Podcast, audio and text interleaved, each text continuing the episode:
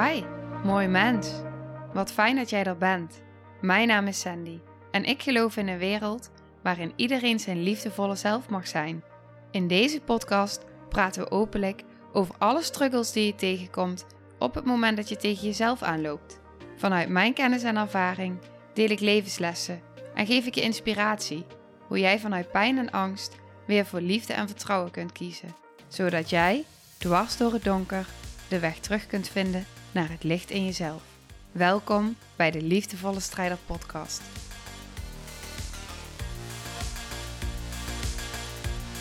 Hey, hallo, dag, lieve jij. Welkom. Hmm. Welkom. In de aflevering van vandaag wil ik iets met je delen. Iets, een zin die ik hoorde, die een deelnemer uitsprak die in de community zit, die mij raakte en die de afgelopen dagen door bleef werken.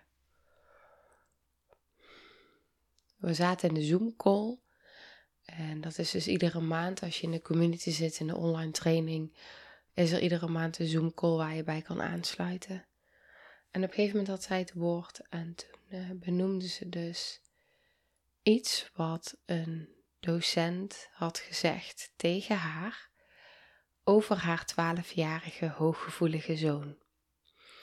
Ik zal niet waarschijnlijk de exacte woorden uh, precies zoals zij het zei nu uh, in die exacte woorden navertellen. Maar de context van dat wat ze zei was dat de lerares had gezegd: er is niets meer aan te doen.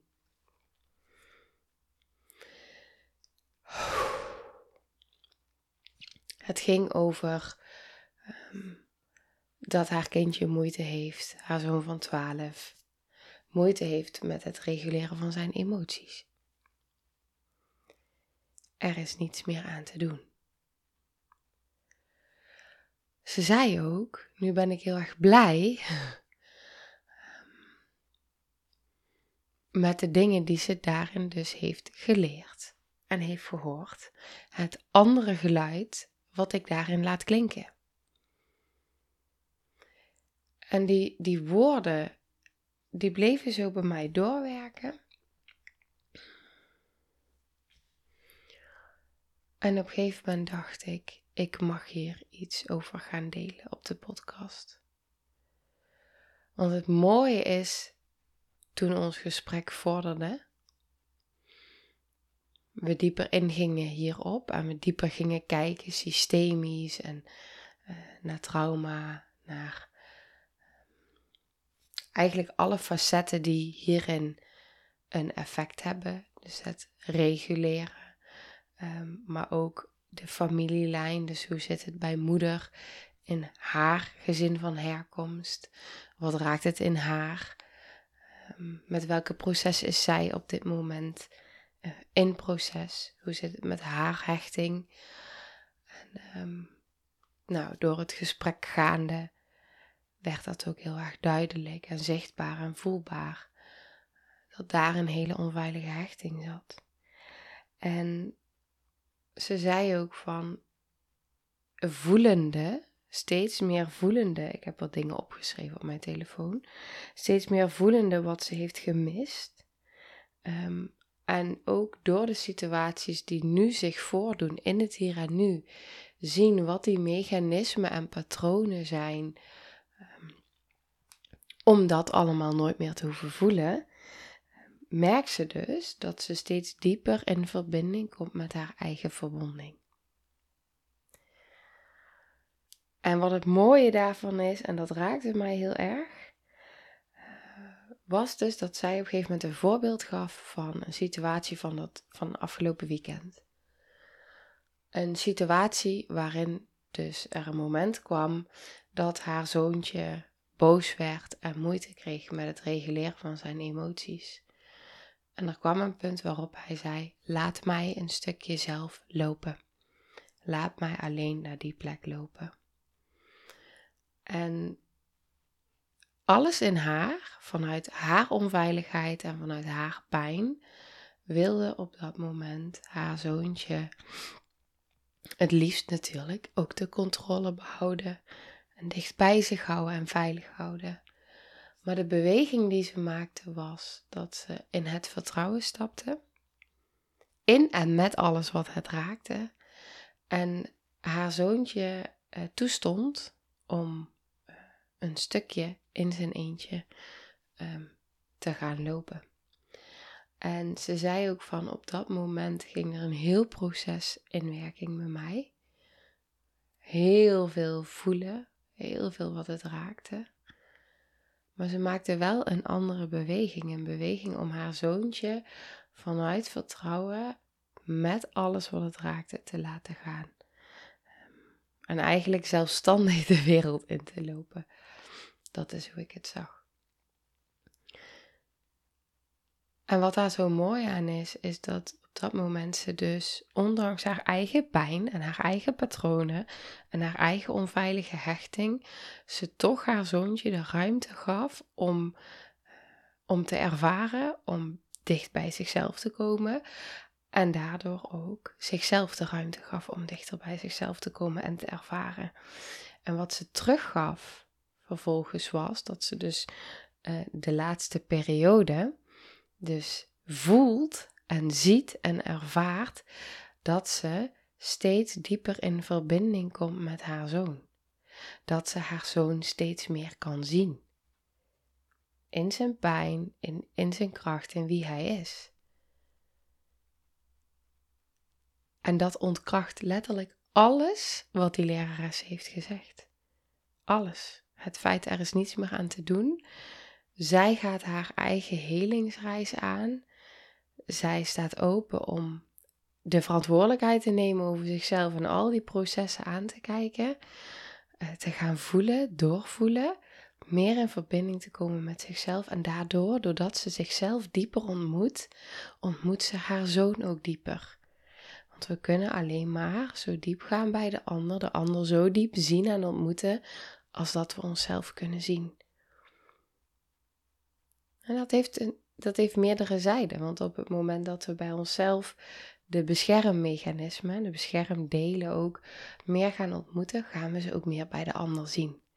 En dat heeft een ontzettende verbindende werking. En tegelijk soms ook als iemand er zelf niet mee in verbinding is, die heel dicht bij jou staat en die daar helemaal niets mee wil, wat natuurlijk een eigen keuze is, is dat wel dat je steeds meer kan gaan waarnemen. En uh, dat, dat geeft ook weer zo zijn processen. En geeft ook weer allerlei nieuwe inzichten en ervaringen om daarin steeds uitgenodigd te worden. Hey, kan bij mezelf blijven, kan bij mezelf blijven. En kan ik die ander blijven zien. Dus ik vond het zo mooi, want in het voorbeeld wat ze gaf, dacht ik, oh wauw, maar hier zie je dus hoe dit systemisch doorwerkt. En hoeveel zij hierin betekent voor haar zoon. Want wat nou als zij die lerares was gaan geloven, er is niets meer aan te doen. Hij kan zijn emoties niet goed reguleren. We kijken alleen maar naar hem en het ligt aan hem. En er is niks meer aan hem te doen. Hoe alleen moet hij zich wel niet voelen op het moment dat hij weer in zo'n stuk terechtkomt? Hoe eenzaam, hoe verloren, hoe, hoeveel onmacht, hoe niet gezien, niet gehoord. En dan net op het moment dat hij in zijn puberteit raakt. Ja, het maakt niet uit welk moment, maar um, dat zo. En, en dat je dan een ouder hebt op dat moment die niet als waarheid aanneemt wat tegen haar wordt gezegd door een ander van buitenaf, maar die op innerlijke reis is in zichzelf, steeds meer in verbinding komt met haar eigen pijnstuk, haar eigen onveilige hechting, steeds diepere connecties met die delen van zichzelf en daardoor ook steeds meer kan verbinden met haar kind. Hoe waardevol is dat en hoeveel betekent en verandert dat in het systeem voor hem, voor haar en voor alle generaties die nog gaan komen? Dit is, ja, ik echt, ik vind dit, ik vind dit zo ontzettend mooi. Als ik dit soort dingen hoor, dat, dat raakt me, dat blijft dus ook doorwerken omdat ik dan voel van wauw, maar hier zit zoveel innerlijke kracht, zoveel innerlijke wijs. Ik heb daar zoveel respect voor. En wat ze ook zei, naast het feit dat de verbinding met haar zoon dus versterkt, wordt ze dus ook bewust. En, en die is pijnlijk, die is echt heel pijnlijk. Um, in het zien dat dat wat zij heeft gemist en de onveilige hechting die zij heeft ervaren, gaat ze steeds meer zien wat ze daarin ook onbewust heeft doorgegeven aan haar zoon in dit geval. En ze zei ook: Ik ben zo blij dat jij op het begin van de training zegt. Um, in alles waar je doorheen gaat bewegen, in alles wat je gaat zien, je hebt geen schuld. Want dat wat je niet wist, op dat moment had je ook nog niet kunnen geven. Je wist het niet, je was er niet mee in verbinding. Je kende alleen dat wat je kende. En ik benoem die expliciet, en je hoort hem ook vaker terug in de afleveringen. Laatst met Dineke hadden we het er ook nog over.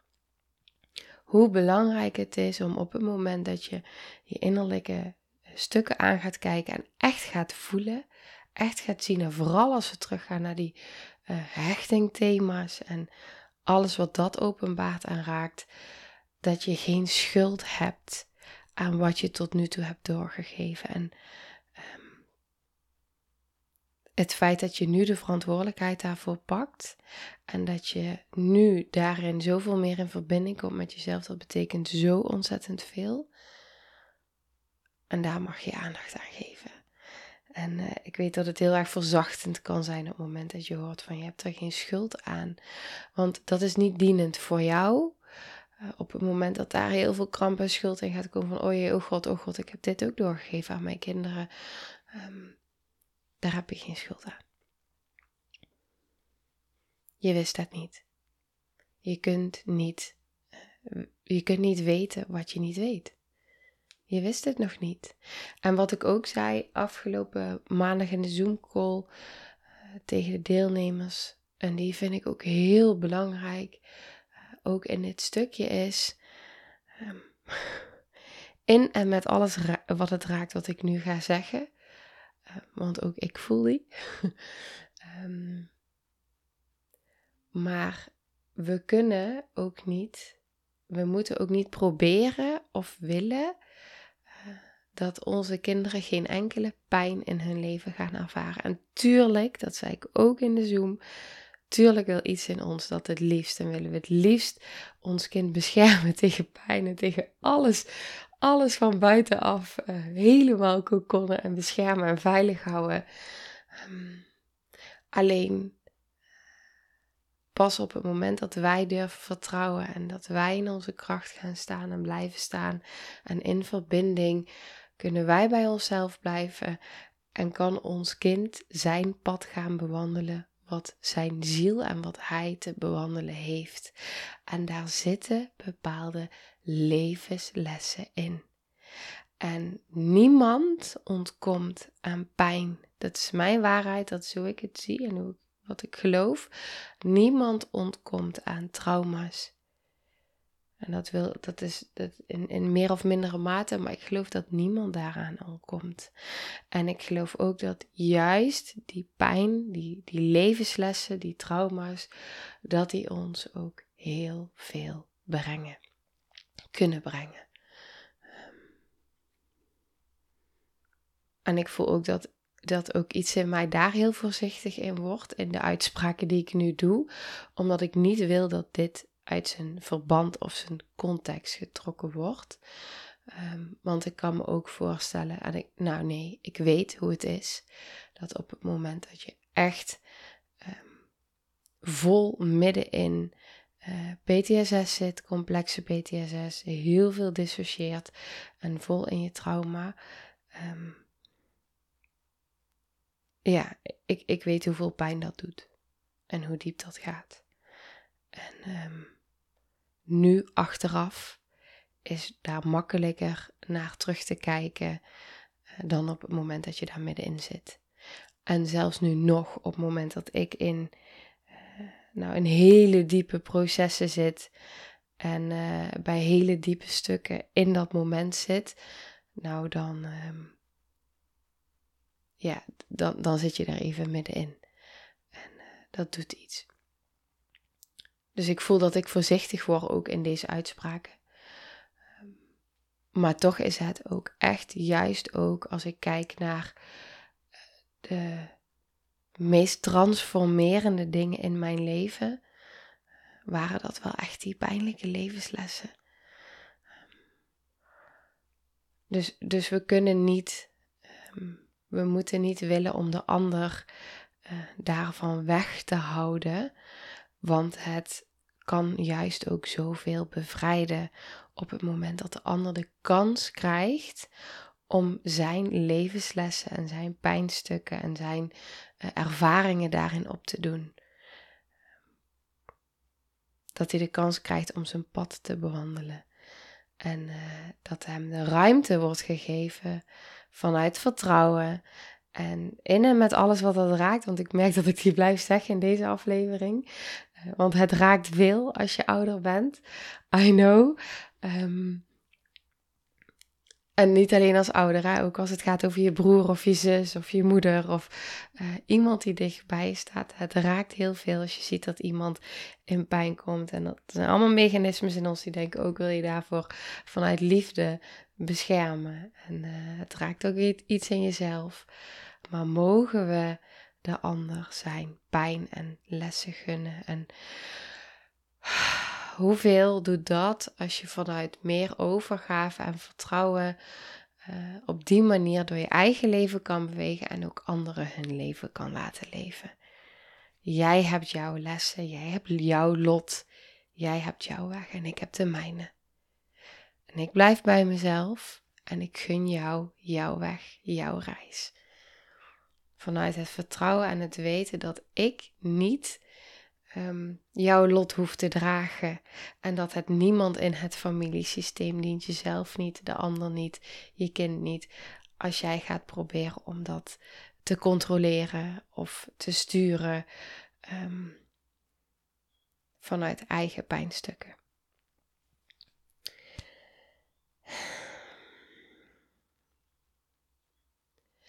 Op het moment dat we leren om steeds meer bij onszelf te blijven, geven we de ander de kans om te groeien, om te leren, om te ervaren, om te vallen en weer op te staan en weer te vallen en weer op te staan. En op het moment dat we die ander die ruimte kunnen geven en wij daar nog steeds naast blijven staan, dus niet ervoor gaan staan van ik wil niet dat je, dat je valt en ik, ik wil alles eraan doen om te controleren en je tegen te houden. Dat je niet die fouten maakt, maar laten, laten leven, pad laten lopen en daarna staan op het moment dat, het, dat diegene vraagt van hé, hey, of dat je ziet van oh ja, um, ik ben hier vanuit verbinding met jezelf bij jezelf blijvend, zodat de ander ook de ruimte krijgt om dat helemaal te gaan ontdekken.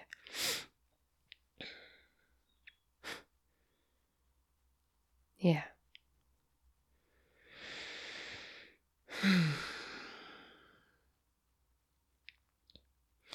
We doen dat wat we kunnen met de middelen en de wijsheid en de kennis die we op dat moment hebben. En daarmee doen we eh, wat we doen. Dus op het moment dat je meer in verbinding komt met jezelf, meer bewust wordt van dingen die je eerder niet wist, maar die wel een bepaalde uitwerking hebben gehad, dan nodig ik je uit om daarin ook um, te voelen wat het raakt. Dat, om dat echt te laten zijn. Ehm, met een weten dat het misschien precies de bedoeling was dat jij dat op dat moment nog niet wist of daar nog niet meer in verbinding was, zodat die ander ook zijn of haar ervaringen kon opdoen die die hier komt opdoen in dit leven.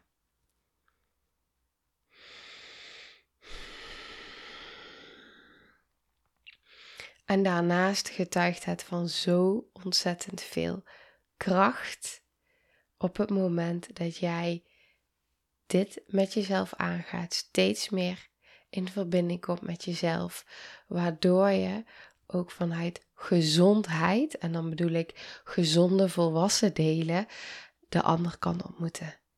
Vanuit zoveel meer verbinding en bedding dan in plaats van de ander ontmoeten vanuit trauma-respons, vanuit beschermdelen, vanuit dat, vanuit pijn. Ontmoet je de ander vanuit eigen eh, pijn?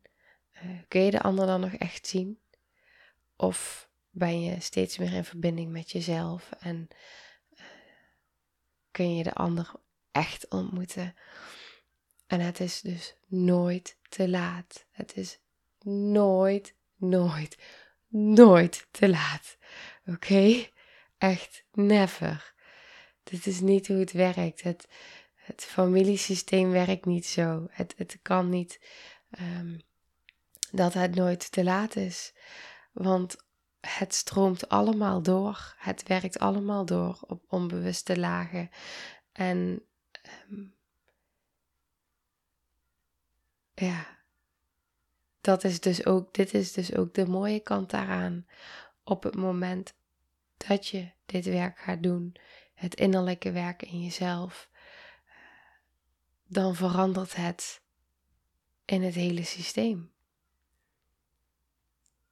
En dan wordt dat wat tot nu toe niet is aangekeken en niet is gevoeld, niet meer doorgegeven. Dus je kan zelfs uh, dat in dit geval het, het kindje wat 12 is en moeite heeft met zichzelf reguleren, op het moment dat je jezelf beter gaat leren reguleren en meer in verbinding komt met jezelf, werkt dat alleen al door in het systeem naar hem. Alleen al daarin heb je al heel veel invloed. En dan dit, wat zij ook aangeeft, de verbinding, nou ja, die zij steeds weer met hem krijgt. Hem steeds op diepere lagen kan ontmoeten, zichzelf steeds meer ontmoet, steeds meer bij zichzelf gaat blijven. Het verandert zoveel, het betekent zoveel, het is zoveel. En het gaat, het, het werkt meteen. Dat is hoe het werkt. Er is zoveel aan te doen. Dus ik hoop dat ik hier een, uh, even een ander geluid in mag laten horen voor iedereen die ooit zo'n opmerking heeft gekregen. Dat het zeker wel zo is. Altijd. Dat is echt mijn waarheid, echt mijn overtuiging. En ik krijg het keer op keer op keer bevestigd. In heel veel situaties bij mezelf, maar ook bij heel veel mensen met wie ik werk. Keer op keer op keer. En dan heb ik het niet over één keer in de maand, maar dan heb ik het over meerdere keren in de week. Er is echt heel veel aan te doen. Op elk moment. Ieder moment zelfs. Ieder moment. Ieder moment.